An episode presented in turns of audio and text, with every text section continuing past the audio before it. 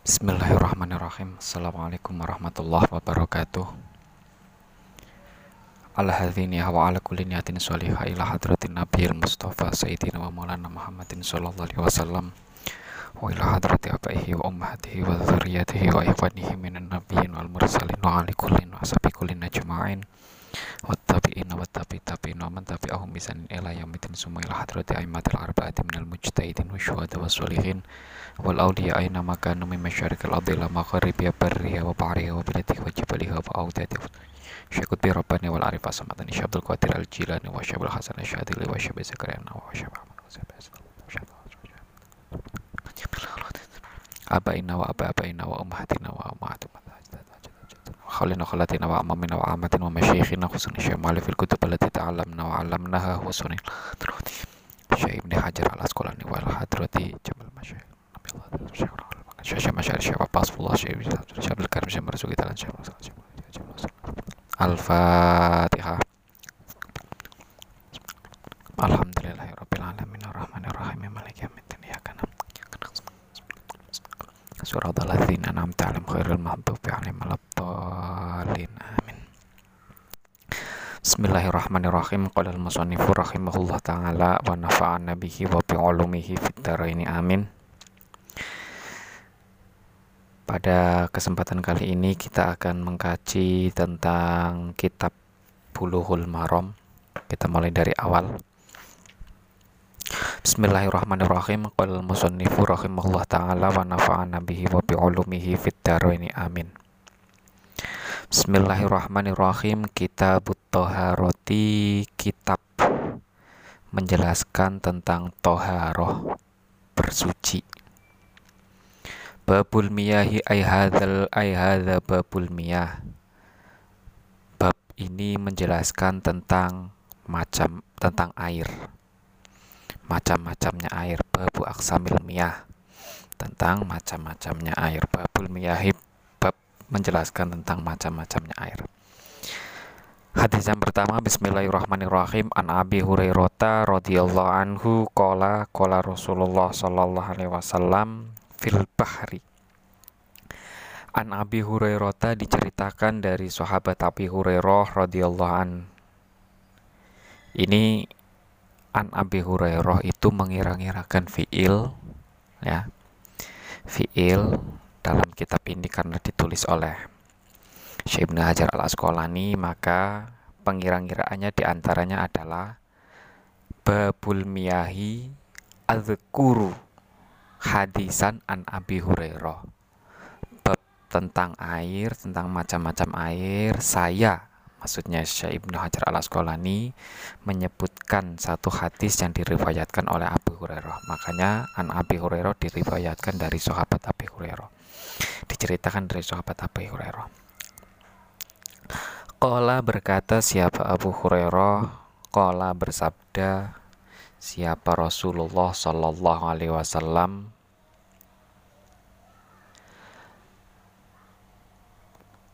Fil bahri tentang hukumnya laut fil bahri tentang hukumnya laut. Ini belum masuk hadis ya. Ini bukan pernyataan kanjeng Nabi. Fil bahri itu bukan pernyataan kanjeng Nabi. Jawabannya kanjeng Nabi Ya, kalau Rasulullah huwa adapun al-bahru huwa adapun al-bahru itu at-tahuru suci dan mensucikan itu at-tahuru suci dan mensucikan apa ma'uhu airnya bahru? Apa ma'uhu airnya bahru? Wahillu dan halal? Wahillu dan halal apa maitatuhu bangkai? Hewan? Laut? Apa maitatuhu bangkai? Hewan laut Akhroja mengeluarkan Akhroja mengeluarkan pada hadis siapa al-arba'atu imam empat wa ibnu abi syaibah dan Ibnu Abi Syaibah. Wal lafdhu adapun lafadznya hadis itu lahu miliknya Ibnu Syaibah. Itu lahu miliknya Ibnu Syaibah. Wasohaha dan mensohehkan wasohaha dan mensohehkan pada hadis. Wasohaha dan mensohehkan pada hadis. Siapa? Ibnu Huzaimata Imam Ibnu Huzaimah. Ibnu Huzaimata Imam Ibnu Huzaimah. Ini adalah hadis ini berawal dari sebuah pertanyaan ya ada sebuah pertanyaan yang keterangan ini di antaranya disebutkan dalam Al-Muwatta. Ada seorang laki-laki. Nah kalau menurut Imam Ibnu apa kalau menurut musnadnya Imam Ahmad itu seorang laki-laki dari Bani Madlaj. Nah sedangkan menurut Imam At-Tabrani nama seorang laki-laki itu adalah Abdullah seorang laki-laki ini datang kepada kanjeng Nabi. Ya, bertanya kepada kanjeng Nabi. Posisinya pertanyaannya itu adalah ya Rasulullah kami naik perahu ya naik perahu di lautan. Sementara kami hanya memiliki persediaan air yang sedikit. Apabila kami berwudu menggunakan air tersebut, otomatis kami akan kehausan. Apakah saya harus berwudu dengan air tersebut? Itu pertanyaannya. Nabi merespon pertanyaan tersebut ya dengan hadis ini huwa at-tahuru ma'uhu wa khillu maitatuhu. Nah, satu catatan yang ditanyakan oleh kanjeng Nabi adalah hanya masalah air. Ya, tapi kanjeng Nabi itu menjawab dengan dua jawaban. Pertanyaan satu dijawab dengan dua. Nah, ini menurut Imam Ibnu Arabi, ya, menurut Imam Ibnu Arabi ini adalah min mahasinil fatwa, kebijaksanaan fatwa Nah, fungsinya apa? Fungsinya adalah untuk menyempurnakan ya, untuk menyempurnakan sebuah jawaban. Nah, untuk menyempurnakan sebuah jawaban dan untuk menyampaikan sebuah pengetahuan. Ya. Itu. Kemudian biografi Imam Ib, apa kemudian biografi dari Abu Hurairah Imam Abu Hurairah itu adalah sosok yang sangat disegani adalah sosok ulama besar sahabat ya yang memiliki banyak hadis. Beliau meninggal pada tahun 59 pada usia 78 kemudian beliau dimakamkan di Bake ada yang menurut apa ada yang menyampaikan ada pendapat yang mengatakan bahwa Imam Abu Hurairah mati di Al-Aqiq ya, kemudian disolati oleh Al-Walid bin Uqbah bin Abi Sufyan. Pada waktu itu ya pada waktu itu Walid bin Uqbah itu adalah Amiron alal Madinah penguasa di wilayah Madinah. Selanjutnya adalah hadis yang kedua. Bismillahirrahmanirrahim wa an Abi Sa'id al-Khudri radhiyallahu an. Wa an Abi Sa'id al-Khudri diceritakan dari sahabat Abi Sa'id al-Khudri radhiyallahu anhu. Abi Sa'id al-Khudri itu namanya Sa'ad bin Malik bin Sannan al-Khazraji. Ya. Beliau adalah termasuk ulama usohabah bahkan beliau adalah salah satu sosok yang menyaksikan atau ikut andil dalam bayatus syajaroh nah, tahta syajaroh itu yang mendapatkan kemuliaan dari Allah langsung. Kemudian beliau hidup selama 86 tahun hadisnya adalah kola. Kola berkata siapa Abu Sa'id al Khudri Abu Sa'id al Khudri kola bersabda siapa Rasulullah Shallallahu Alaihi Wasallam? Innal ma'a tahurun la yunajjisuhu syai'un. Innal ma'a sesungguhnya air.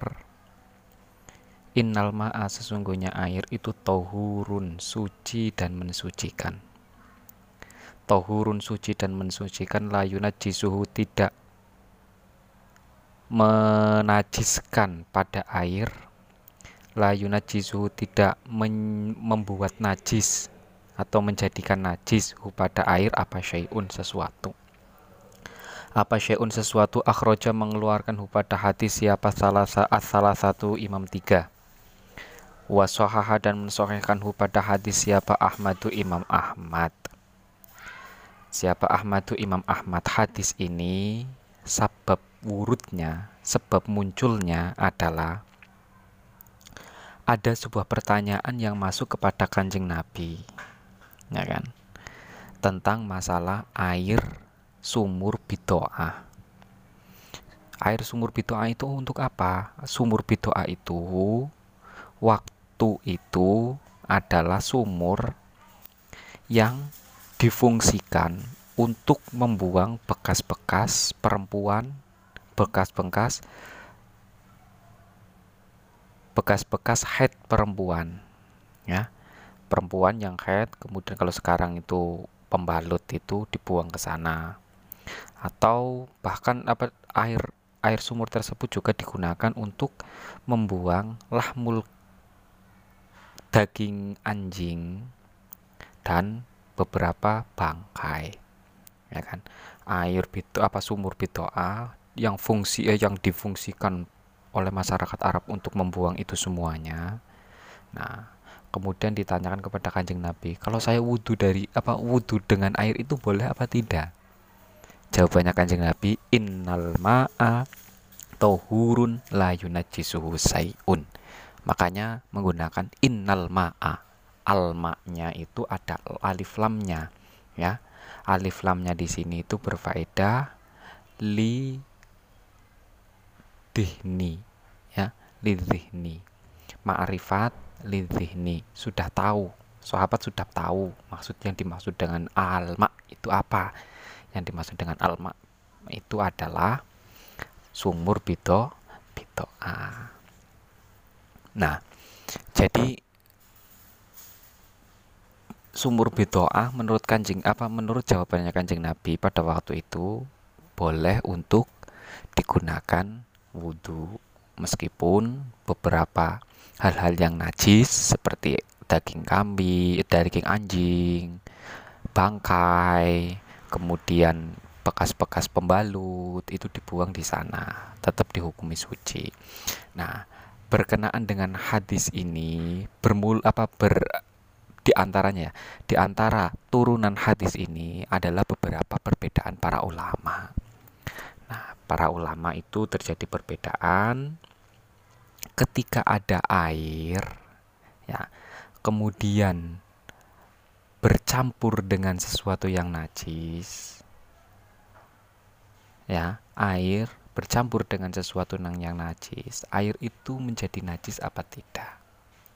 Ada beberapa pandangan, ada yang mengatakan ya, ada yang mengatakan bahwa air yang air yang kemasukan najis bercampur dengan najis sedikit maupun banyak air tersebut selama sifat-sifat air tidak berubah maka air tersebut tetap dihukumi su suci.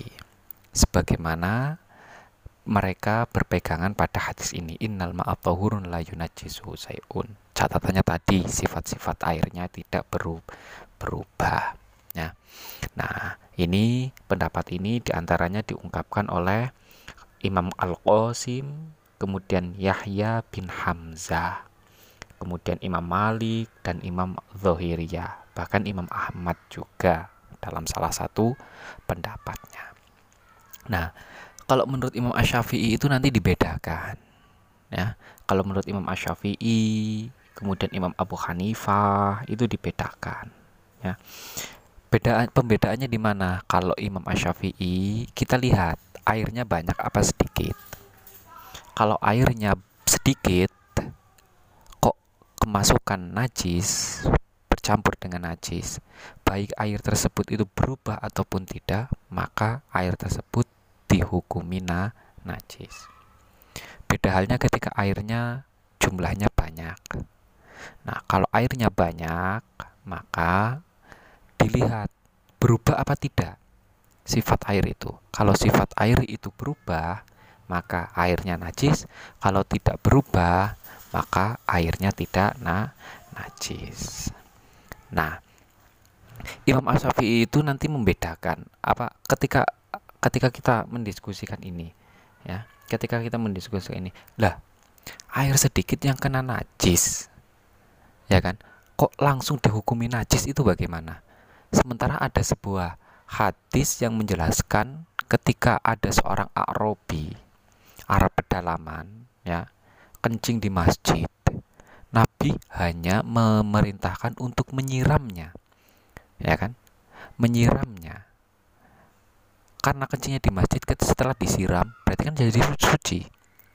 Nah berarti airnya kan nggak najis itu mungkin sebuah kejanggalan salah satu kejanggalan kepada Imam apa pendapatnya Imam Syafi'i tidak Imam Syafi'i nanti itu membedakan antara air yang kedatangan najis dengan air yang mendatangi pada najis. Ini beda. Nah, kalau kasusnya Arabi itu adalah air yang mendatangi najis. Air yang mendatangi najis itu kalau airnya tidak berubah meskipun airnya sedikit, ketika salah satu sifatnya tidak berubah, maka airnya tetap dihukumi suci. Berbeda dengan ketika air itu berubah, maka airnya menjadi najis. Sementara na ketika najis yang mendatangi air, ya, najis yang mendatangi air, kok airnya sedikit, berubah ataupun tidak tetap dihukumi na najis. Kalau tidak berubah, kalau airnya banyak, kalau tidak berubah, maka tidak najis. Kalau berubah air, sifatnya air, sifat air tersebut, maka dihukumi na najis. Ya, kalau kalau tidak berubah, tidak dihukumi najis. Kalau berubah dihukumi na najis. Ini pandangan Imam Asy-Syafi'i ya. Nah, makanya Imam Asy-Syafi'i itu ketika melihat apa mereka melihat menentukan sebuah dalil itu di antaranya adalah kenapa membedakan antara air yang mendatangi najis dengan najis yang tidak menda apa najis yang mendatangi air sama air yang mendatangi najis air yang menda apa air yang mendatangi najis itu diambil dari sebuah hadis tadi cerita tentang orang Arabi kalau air, kalau najis yang mendatangi air itu adalah sebuah hadis yang Nabi memerintahkan untuk mencuci tangan terlebih dahulu sebelum kita wudhu ketika kita bangun tidur. Ketika kita bangun tidur, kemudian kita mau wudhu, kita dia perintahkan untuk mencuci tangan terlebih dahulu hadisnya itu adalah ida istaiqadha ahadukum fala yudkhil yadahu fil ina'i hatta yaghsilaha salasan. Ketika kalian ketika salah satu kalian itu bangun tidur ya, maka fala yudkhil yadahu fil ina. Tangannya jangan dimasukkan ke tempat air tempat air wudhu dulu ya. Sebelum membasuh tiga, tiga kali. Nah, ini kan membedakan antara yang najis mendatangi air dan air yang mendatangi na najis ya. Makanya kalau ini kalau dalam fikih itu di antaranya dicontohkan itu adalah apa ketika merendam pakaian pakaiannya mau dicuci ya jangan airnya dulu yang ditaruh di ember tapi pakaian kotor dulu yang taruh di ember ya kemudian baru di mempertaruhi a, air. Ya. Kalau airnya kok nanti tidak berubah salah satu sifatnya, maka pakaiannya itu menjadi suci kalau memang ada yang najis. Beda halnya kalau airnya dulu yang taruh di ember, kemudian baru pakaiannya. Kalau pakaiannya ada yang najis, maka semuanya menjadi na najis. Itu sementara yang perlu diperhatikan.